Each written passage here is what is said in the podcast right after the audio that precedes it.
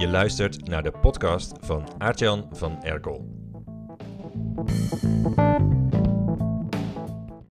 Ik kreeg een mail van een Frankrijk-expert.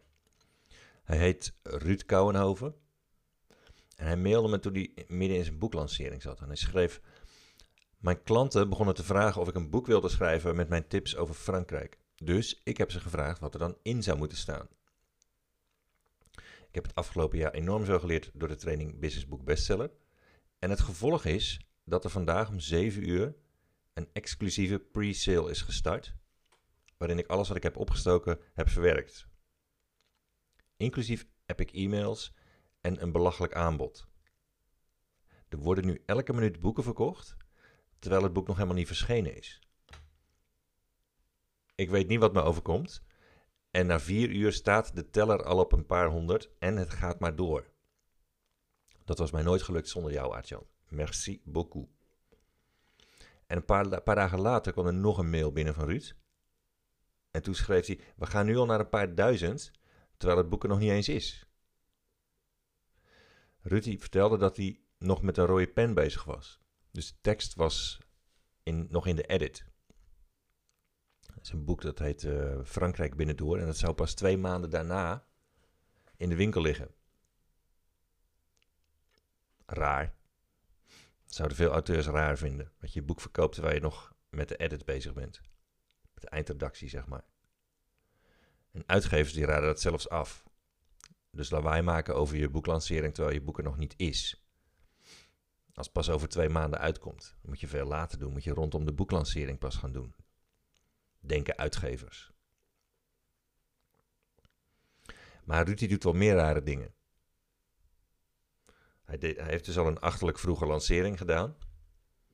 Met een belachelijk aanbod. En met een boekpresentatie die volgens hem in Nederland en Vlaanderen nog nooit gehouden is.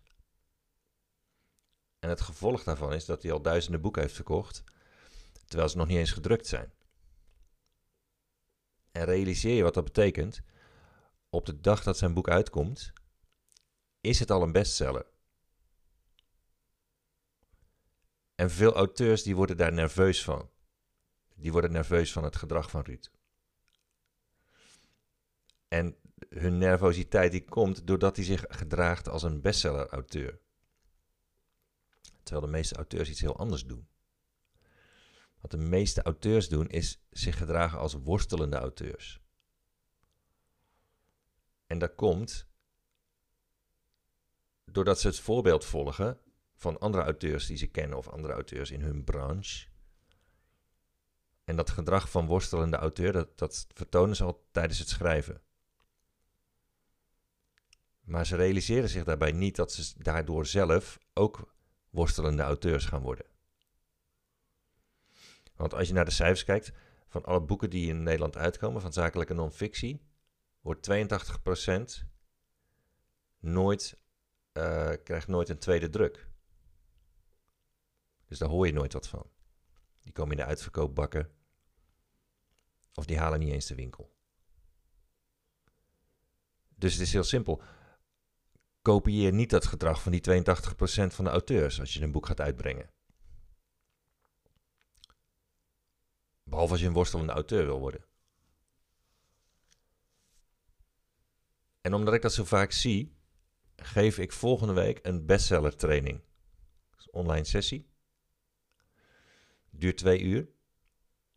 En ik ga daarin nog een aantal voorbeelden geven van het gedrag van bestseller auteurs. Want dat zijn de auteurs die je het beste kunt volgen dat voorbeeld is het voorbeeld om naar te kijken. Als je tenminste ook een bestseller-auteur wil worden.